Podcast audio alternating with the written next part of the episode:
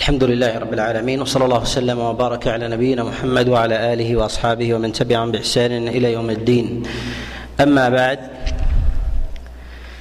فنتكلم في هذا المجلس على ما تبقى من الآيات المتعلقة بالأحكام من سورة آل عمران. وأول هذه الآيات هي قول الله جل وعلا وليعلم الذين نافقوا وقيل لهم تعالوا قاتلوا في سبيل الله أو ادفعوا. هذه الآية نزلت في غزوة في غزوة أحد. لما استنفر رسول الله صلى الله عليه وسلم المسلمين من أهل المدينة وذلك بالخروج معهم للقاء المشركين.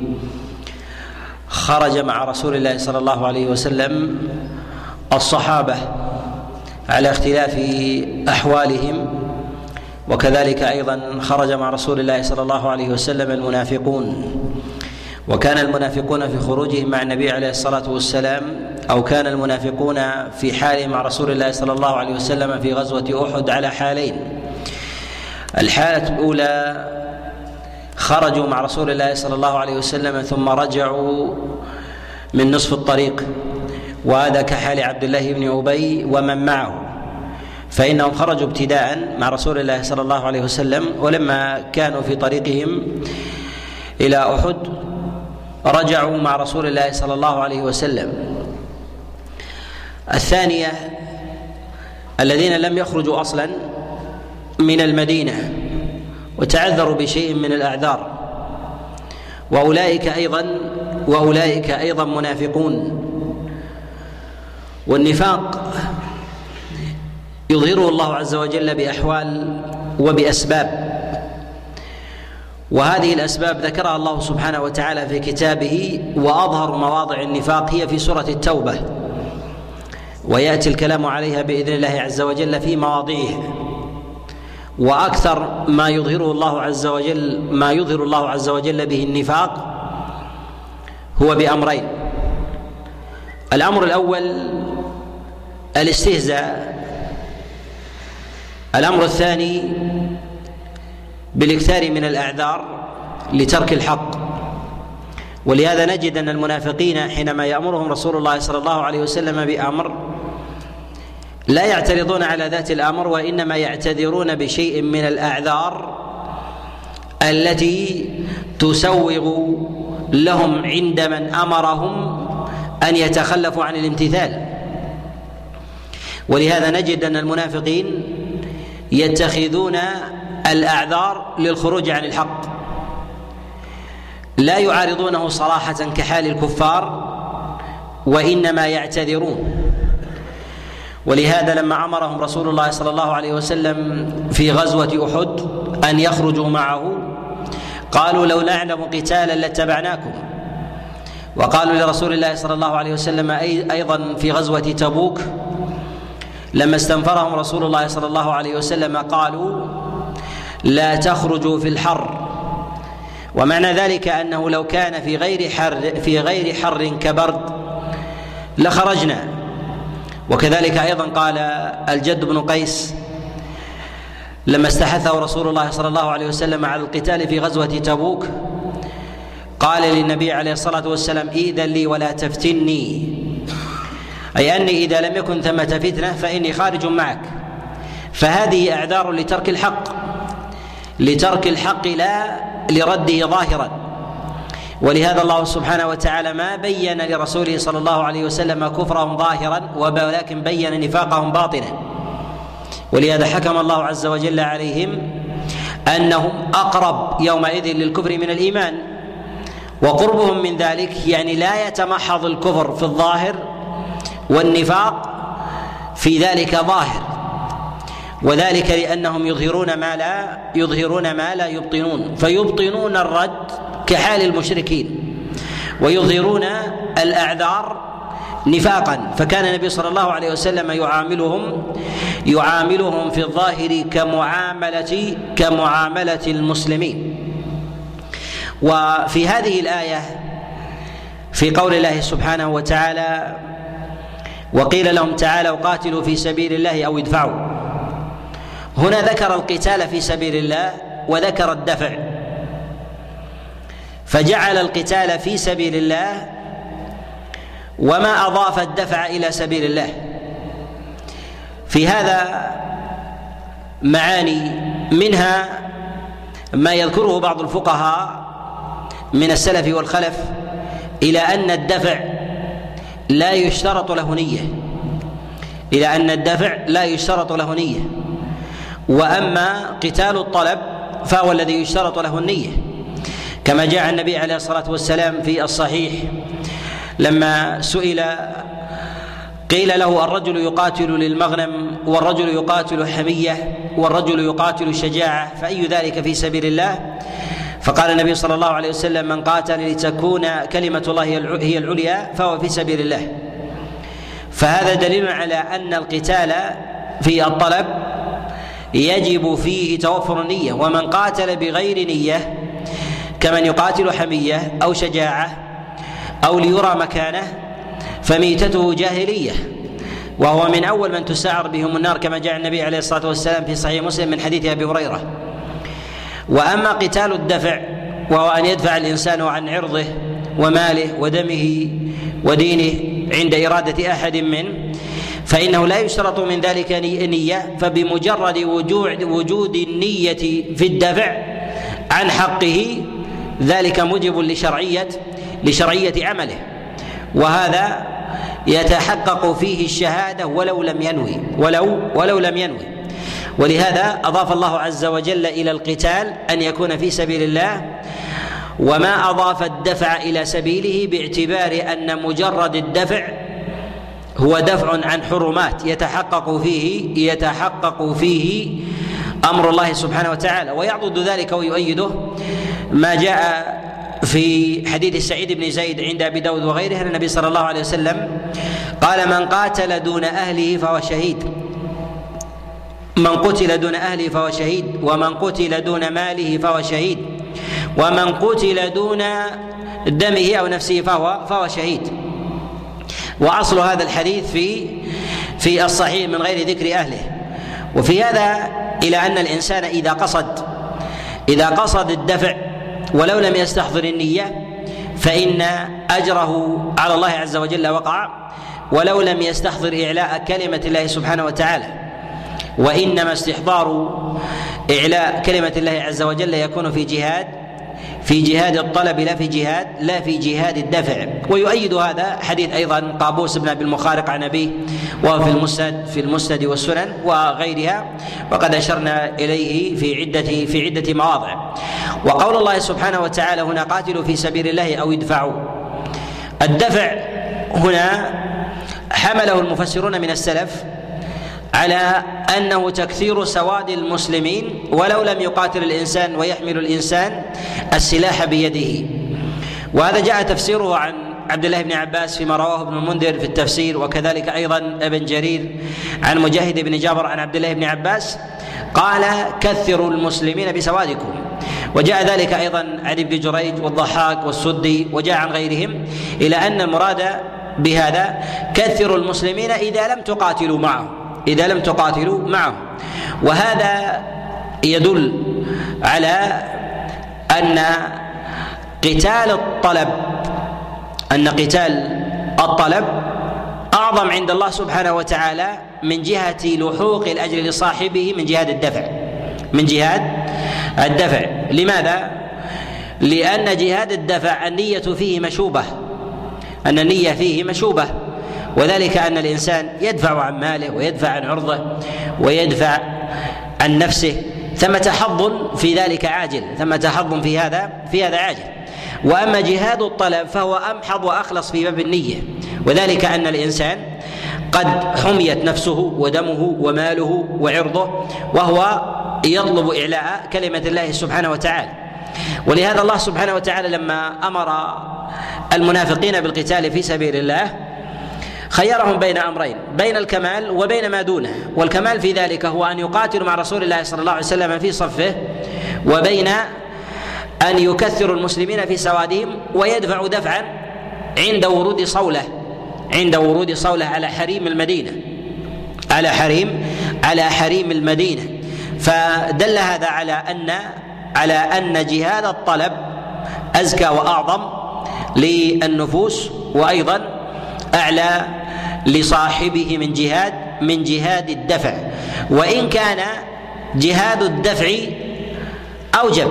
جهاد الدفع في ذلك أوجب من جهة وجوبه على من جهة وجوبه على الأعيان بخلاف جهاد جهاد الطلب. فله شروطه ومسائله ويأتي ربما أيضا الكلام عليه.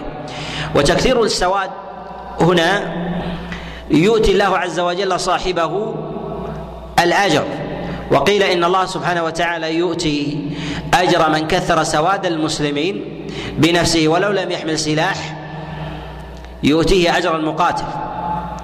ولهذا استحث رسول الله صلى الله عليه وسلم من تأخر ممن خرج معه من أهل المدينة إلى أن يكثروا رسول الله صلى الله عليه وسلم بسوادهم لأن يكثروا رسول الله صلى الله عليه وسلم ومن معه بسوادهم لأن تكثير السواد يورث قوة وشد في العزيمة في المسلمين ويثخن أيضا في نفوس عدوهم ويهزمهم. وأكثر هزائم الحروب معنوية أكثر من كونها حسية ومادية. وهذا وهذا ظاهر. ولهذا الصحابة عليهم رضوان الله تعالى وفي جهادهم في زمن النبي عليه الصلاة والسلام ما انتصروا على المشركين بما لديهم من قوة عتاد وعدد. وإنما بقوة عزيمة. ولهذا النبي صلى الله عليه وسلم نصره الله عز وجل بالرعب مسيرة شهر كامل. وهذا أيضا من الهزائم المعنوية لا الهزائم الحسية المادية. ولهذا تكثير سواد المسلمين في الجهاد يؤتي الله عز وجل من كثر سوادهم ولو لم يشارك معهم. وهذا فيه دليل على استحباب على استحباب تكثير سواد المجاهدين في سبيل الله تقوية لهم وشدا من عزائمهم وكذلك كسرا لنفوس العدو. وعلى هذا كان أصحاب رسول الله صلى الله عليه وسلم حتى العاجزين منهم. وقد جاء في حديث أنس بن مالك وغيره أنه قال رأيت قال رأيت ابن أم مكتوم وهو رجل أعمى ومعه درع يجره فقيل له في ذلك قال إني أكثر سواد المسلمين وكان ذلك في القادسية. وجاء نحو ذلك أيضا عن سهل بن سعد فيما رواه من جرير الطبري في المعجم وكذلك أيضا البخاري في كتابه التاريخ من حديث أبي حازم عن سهل بن سعد أنه نفر وقيل له وقيل له وفيك قتال وذلك لما كبر فقال لأكثر لأكثر سواد المسلمين. وهذا فيه إشارة إلى أن من كثر سواد المسلمين وكان معذورا يؤتيه الله عز وجل أجر المجاهد القادر. يؤتيه الله سبحانه وتعالى أجر المجاهد المجاهد القادر. وهنا في قول الله سبحانه وتعالى تعالى وقاتلوا في سبيل الله أو ادفعوا. يأخذ منه بعضهم تقسيم الجهاد إلى نوعين جهاد دفع وجهاد طلب. جهاد دفع وجهاد وجهاد طلب. وكان النبي صلى الله عليه وسلم جعل حال الصحابة الذين كانوا معه في الصفوف في الصفوف الأولى هؤلاء يطلبون المشركين ويطلبون الالتحام والمواجهة. وأن من تأخروا عنهم جعلهم النبي صلى الله عليه وسلم في حال دفاع عند عند استحلال حريمهم أو تعدي المشركين للصفوف التي التي وراءهم. فكيف يكون مقامهم حينئذ مقام مقام الدفع؟ ولا خلاف عند العلماء على أن النوعين من الجهاد قد دل عليهما الدليل عن رسول الله صلى الله عليه وسلم. وجهاد الدفع هو فطره فطرة حيوانية فطر الله سبحانه وتعالى جنس الحيوان عليها سواء خالطه عقل أو لم يخالطه عقل. فيدفع الحيوان عن نفسه. وعن ماله. وهذا وهذا أمر معلوم مشاهد حتى عند الحيوان البهيم. ويعظم ذلك ويدق وتفاصيله في في الحيوان الذي يؤتيه الله عز وجل عقلا. وذلك وذلك من الثقلين من الإنس من الإنس والجن مما جعل الله سبحانه وتعالى فيه مما جعل الله عز وجل فيه حياته. والكمال في ذلك إنما هو في جهاد الطلب. إنما هو في جهاد في جهاد الطلب وجهاد الطلب يتمايز فيه أهل الحق والباطل. والأدلة في جهاد الطلب في ذلك عن رسول الله صلى الله عليه وسلم متواترة مستفيضة. ولا أعلم أحدا من السلف ولا من أئمة الخلف من أنكر جهاد من أنكر جهاد الطلب. وإنما هو في أقوال في أقوال بعض المعاصرين في أقوال بعض المعاصرين. لما دب الوهن في المسلمين حينما استعمرت كثير من استعمرت كثير من بلدان من بلدان المسلمين دب الوهن فيهم والتعلق بالدنيا والماديات. والنبي صلى الله عليه وسلم في أمر جهاد الطلب دل على ذلك عنه وكذلك أيضا في ظواهر القرآن أدلة كثيرة مستفيضة. ومن ذلك ما جاء في الصحيح من حديث معاوية أن النبي صلى الله عليه وسلم قال لا تزال طائفة من أمتي على الحق ظاهرين يقاتلون في سبيل الله لا يضرهم من خالفهم ولا من خذلهم إلى قيام إلى قيام الساعة. وغير ذلك من الأحاديث الدالة على ثبوت على ثبوت جهاد جهاد الطلب وله ضوابطه وشروطه وقيوده وأحواله التي يتكلم عليها العلماء العلماء في مواضعهم وكلا الحالين قد جاءت عن رسول الله صلى الله عليه وسلم أعني جهاد الدفع وجهاد الطلب فتنوعت أحوال النبي صلى الله عليه وسلم فخرج النبي عليه الصلاة والسلام مدافعا لما بلغه لما بلغه قدوم كفار قريش إليه وذلك وذلك في غزوة أحد وكذلك أيضا في غزوة في غزوة بدر. وخرج النبي صلى الله عليه وسلم أيضا طالبا عيرا عيرا وقوافل المشركين وهذا في أحوال عديدة وقصد النبي عليه الصلاة والسلام أيضا في مواضعهم أيضا كما في غزوة تبوك وغيرها. وكذلك أيضا أصحابه من بعده في كثير من الغزوات في غزوهم لفارس والروم. فكان ذلك من جهاد من جهاد الطلب لا من جهاد لا من جهاد الدفع. ويخشى على من أنكر جهاد الطلب الكفر لأنه ينكر شيئا معلوما مستفيضا ثبت به النص واستفاض واستفاضت به وتواترت به النقول وأجمعت عليه وأجمعت عليه عليه الأمة. وفي قوله سبحانه وتعالى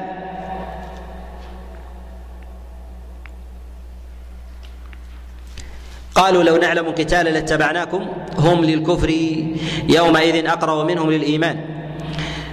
في هذا أن النبي صلى الله عليه وسلم لما رجع عبد الله بن أبي من الطريق حين ذهاب النبي عليه الصلاة والسلام إلى غزوة أحد. عمله بظاهره أخذا بعذره ولو علم باطنه أنه يكتم ويسر خلاف ما يظهر. والإنسان لا يأخذ بعلمه بعلمه الباطن وإنما يأخذ بالأمر الظاهر. ولهذا عامل النبي صلى الله عليه صلى الله عليه وسلم المنافقين كمعاملة المسلمين.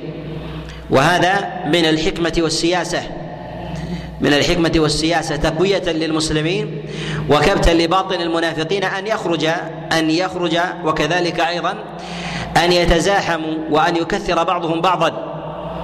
ولهذا لما رجع عبد الله بن أبي إلى المدينة ومعه ثلث القوم ما واجههم رسول الله صلى الله عليه وسلم بذلك. بل لما خرج النبي عليه الصلاة والسلام بعد ذلك في غزوات أخرى أخذ أولئك معه.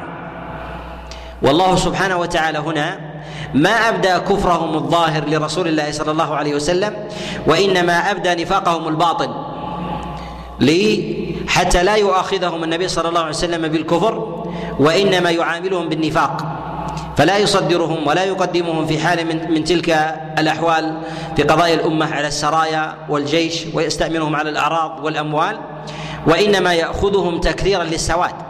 وإنما يأخذهم تكثيرا للسواد ودفعا لشرهم ومكنون نفوسهم حتى حتى لا يخرجوا لا يخرجوا عما زاد عما زاد من الشر الذي أظهروه. وهذا أيضا في سياسة النبي عليه الصلاة والسلام في المنافقين واحتوائهم وعدم أيضا فصلهم عن صفوف المسلمين من سياسته عليه الصلاة والسلام. في تعامله في الغزو وتعامله كذلك عليه الصلاة والسلام في المدينة في المجالسة والمخالطة والعطية إجابة الدعوة إنما يأخذهم النبي صلى الله عليه وسلم بالظاهر. ولهذا هنا إنما ذكر الله سبحانه وتعالى ذلك لنبيه ليعلم ما في باطنهم ولهذا ذكر الله عز وجل إشارة إلى هذا المعنى في قوله والله والله أعلم بما يكتمون.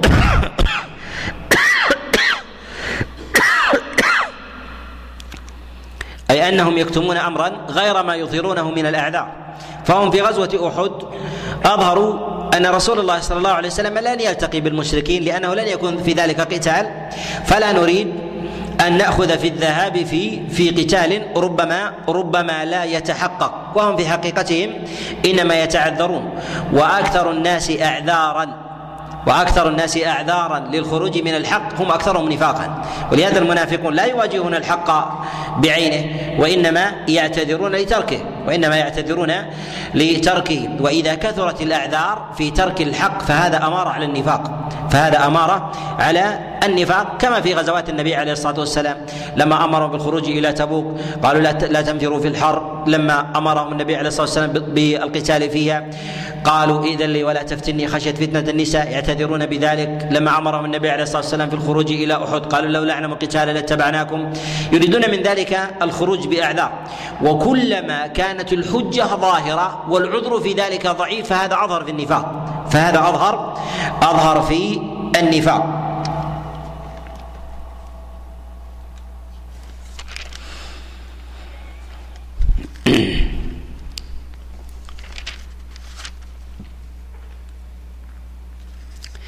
الآية الثانية في قول الله سبحانه وتعالى فاستجاب لهم ربهم أني لا أضيع عمل عامل منكم من ذكر أو أنثى بعضكم من بعض. في هذه الآية إشارة إلى استواء الذكر والأنثى في أبواب الجزاء والإجزاء والثواب وكذلك العقاب.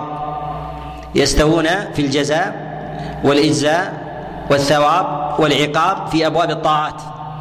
وذلك أن الله سبحانه وتعالى جعل أصل الأمر يتوجه إلى يتوجه إلى إلى الناس جميعا سواء كانوا ذكورا أو إناثا. وكذلك أيضا إلى الثقلين كانوا من الإنس أو كانوا كانوا من الجن. وفي هذا أن الأوامر إذا جاءت من الله سبحانه وتعالى عامة أن الامتثال في ذلك يكون عاما إلا بتقييد. وأن العمل إذا جاء من الثقلين وجاء أيضا من الذكر والأنثى منهم أن الثواب في ذلك واحد. أن الثواب في ذلك واحد. وذلك لقرائن عديدة أن الأصل في التشريع والأصل في الخطاب أنه يتوجه إلى الجميع. فيجب أن يكون الجزاء والإجزاء والثواب والعقاب أيضا في ذلك على على السواء. ومنها أيضا أن الله سبحانه وتعالى يجعل العقاب في حال المخالفة واحد.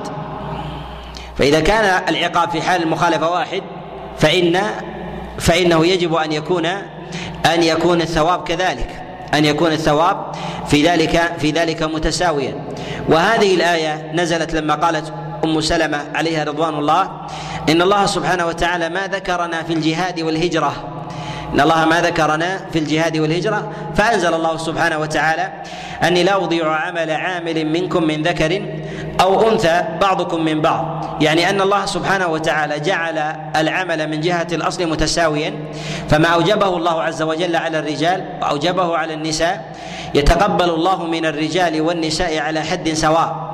إلا أن الفرائض المخصوصة بالرجال هي للرجال والفرائض المخصوصة بالنساء إنما هي للنساء. ولهذا جاء في حديث عائشة عليه رضوان الله لما سألت رسول الله صلى الله عليه وسلم قالت هل على النساء جهاد؟ قال النبي عليه الصلاة والسلام عليهن جهاد لا قتال فيه الحج والعمرة. فثواب الرجل في الجهاد تساويه ثواب المرأة في الحج تساويه ثواب المرأة المرأة في الحج وكذلك أيضا في العمل في الطاعات. فولو كانت الصورة في ذلك والموضع في ذلك مختلف. فصلاة الرجل في الجماعة تساويه صلاة المرأة في دارها. فإذا كان الرجل في الجماعة تفضل صلاته على صلاة الفرد بسبع أو خمس وعشرين درجة كذلك أيضا المرأة إذا صلت منفردة. وتقدم معنا الإشارة في هذا في هذا الموضع. في هذه المسألة في غير هذا الموضع من سورة من سورة البقرة. وفي هذا أيضا في قول الله عز وجل أني لا أضيع عمل عامل منكم من ذكر أو أنثى. هنا فيه ضمان على قبول جميع العمل ولكن هذا يقيد ما كان ذلك بما كان ذلك مع إخلاص ومتابعة. مع إخلاص إخلاص ومتابعة. وإذا كان ثمة إخلاص ومتابعة فبمقدار توفر هذين يكون في ذلك القبول. يكون في ذلك القبول. وهذا مقتضى كمال العدل. وهذا مقتضى كمال عدل الله سبحانه وتعالى. وكذلك أيضا فإن العمل إذا كان خالصا لله وكان صوابا لرسول الله صلى الله عليه صلى الله عليه وسلم وفعله الإنسان مجتهدا ناسيا أن هذا العمل باطل كمن يصلي الصلاة بغير طهارة كمن يصلي الصلاة بغير بغير طهارة. ثم انقضت صلاته ثم انقضت صلاته. هذه نقول على حالين إذا علم بذلك أو لم يعلم إذا إذا لم يعلم فصلاته صحيحة مقبولة. صلاته صحيحة مقبولة. يعني أن الله عز وجل رفع عنه بها الإثم رفع عنه بها الإثم واستحق بها الأجر واستحق بها بها الأجر. وإن كانت لغيره في حق غيره من جهة الأصل باطلة من جهة الأصل باطلة. وإذا علم بذلك فأدى الصلاة على غير طهارة وهو لا يعلم. ثم علم بعد ذلك أنه أداها بغير طهارة. هل يؤجر عليها أم لا يؤجر؟ نعم يؤجر. يؤجر عليها ولكنها لا ترفع عنه الإثم لا ترفع عنه الإثم ويجب عليه أن يأتي بالصلاة. وهذا يقع كثيرا في أحوال الناس. بعض الناس يجتهد في عبادة يجتهد في عبادة كمن يقوم الليل مثلا ويجهد نفسه بقيام الليل ثم يتضح أنه ليس على طهارة. أو يؤدي صلاة يوم كامل يؤدي يؤدي صلاة يوم كامل ثم يظهر من حاله له أنه صلى بمسح على خف لم يلبسه على على طهارة أو غير ذلك من الأعمال التي يفعلها والعمل في حقيقته لو علم لو علم باطل.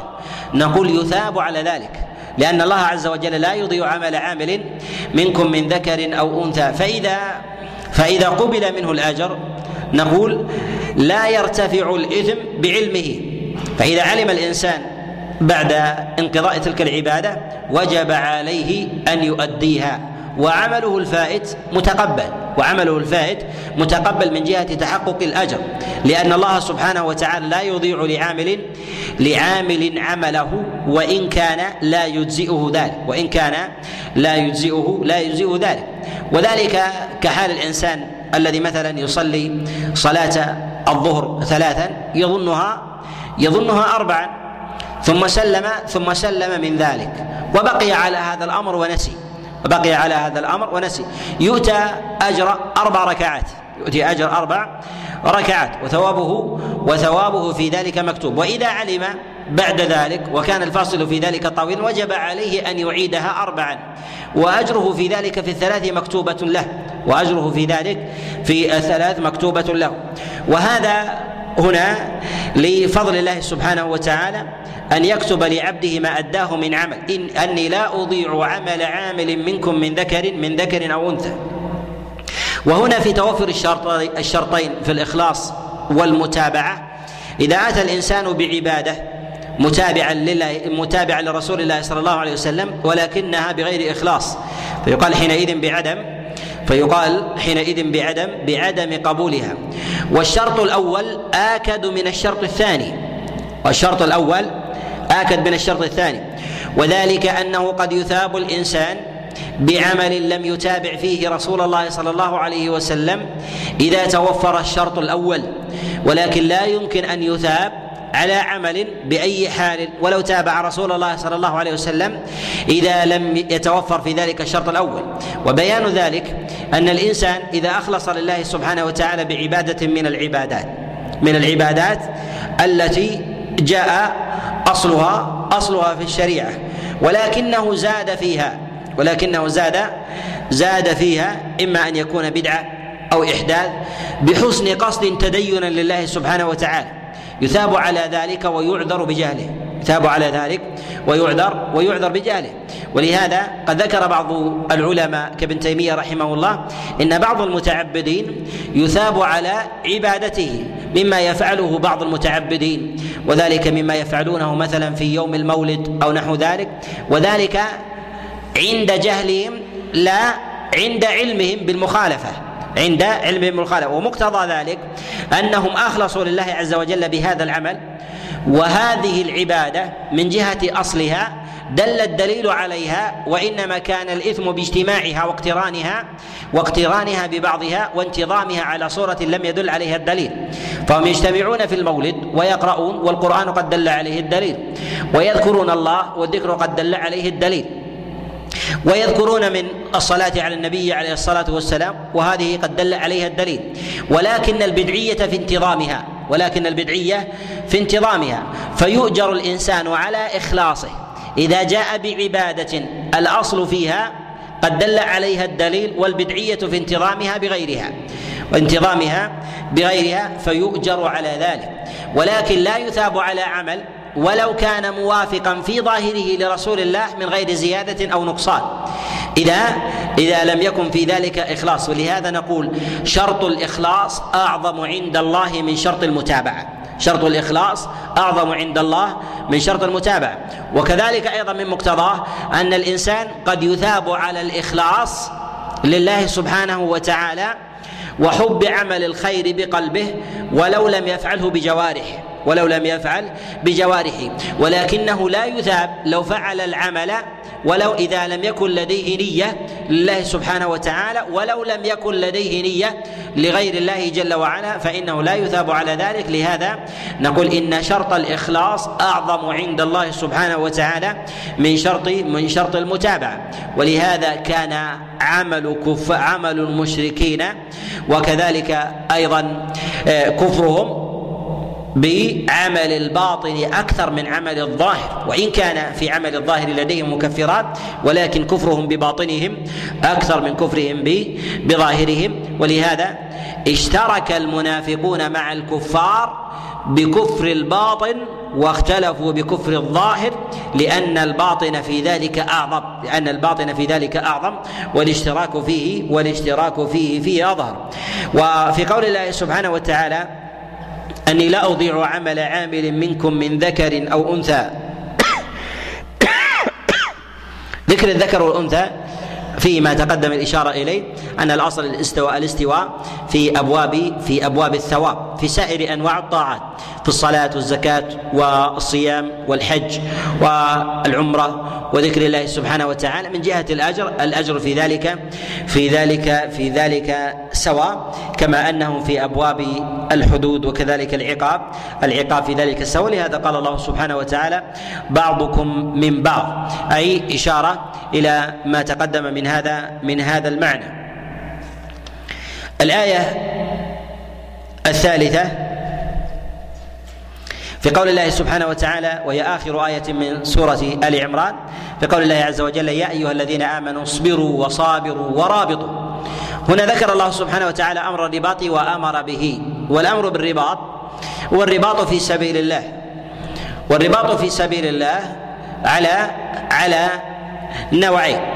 رباط في الثغور وهي مواضع الغزو والقتال والنوع الثاني رباط على حريم المسلمين على حريم المسلمين في ديارهم. وذلك أن تحرس الأموال إما ممن يسطو عليها من فساق المسلمين ومن ضعفاء النفوس أو ممن يسر على الأعراض وحمايتها. أو غير ذلك فهذا داخل في ذلك الخطاب. ولكن هذه الآية لما جاءت في سياق الهجرة وجاءت في سياق الجهاد وجاء أيضا في ذلك الأمر بالصبر والمصابرة كان الأمر الأول هو أقرب وأحظى بالنص أن المراد بقوله جل وعلا ورابط هو المرابطه في في سبيل الله في الثغور وهذا قد جاء تأويله عن غير واحد من السلف قد جاء عن عمر بن الخطاب وجاء أيضا عن مجاهد بن جبر وزيد وغيرهم وغيرهم من السلف عليهم رضوان الله تعالى. والمرابطة إشارة إلى بقاء الإنسان في موضع لا يتحرك منه عينا للمسلمين عينا للمسلمين. وجاء في فضل الرباط عن رسول الله صلى الله عليه وسلم في ذلك أحاديث. آه، كثيرة. واقترن أيضا من جهة الفضل وكذلك أيضا الأجر في الجهاد في سبيل الله. ولهذا جاء النبي عليه الصلاة والسلام من حديث سهل بن سعد في الصحيحين أن النبي صلى الله عليه وسلم قال رباط ليلة في سبيل الله خير من الدنيا وما فيها ولموضع صوت أحدكم في الجنة خير من الدنيا وما فيها ولا غدوة وروحة في سبيل الله خير من الدنيا وما وما فيها. وكذلك أيضا ما جاء في حديث سلمان الفارسي أن رسول الله صلى الله عليه وسلم قال رباط يوم في سبيل الله خير من صيام شهر وقيامه. وإذا قتل أجر الله سبحانه وتعالى له عمله وأمن الفتان. يعني فتان فتان القبر. وإذا كان هذا في المرابط فإنه كذلك أيضا في المجاهد في سبيل الله في في القتال من باب من باب أولى. وبهذا نقول إن من قتل في سبيل الله إن الله سبحانه وتعالى يؤمنه من من الفتان وهو فتان القبور أي لا يفزع لا يفزع منه ويؤمنه الله جل وعلا كذلك أيضا كذلك أيضا في في جوابه. وجاء كذلك أيضا عن رسول الله صلى الله عليه وسلم في قوله عينان. لا تمسهما النار. وذكر منهما عين باتت تحرس تحرس في في سبيل الله. وهذا داخل في ذلك على على النوعين. المعنى العام للرباط يدخل فيه انتظار العمل الصالح وترقبه والتربص له. وقد جاء في ذلك عن النبي صلى الله عليه وسلم في صحيح الإمام مسلم من حديث العلم بن عبد الرحمن عن ابي عن أبي هريرة أن النبي صلى الله عليه وسلم قال ألا أدلكم على ما يمحو الله عز وجل به الخطايا ويرفع به الدرجات؟ إسباغ الوضوء على المكاره وكثرة الخطى إلى المساجد وانتظار الصلاة إلى الصلاة فذلكم الرباط فذلكم فذلكم الرباط.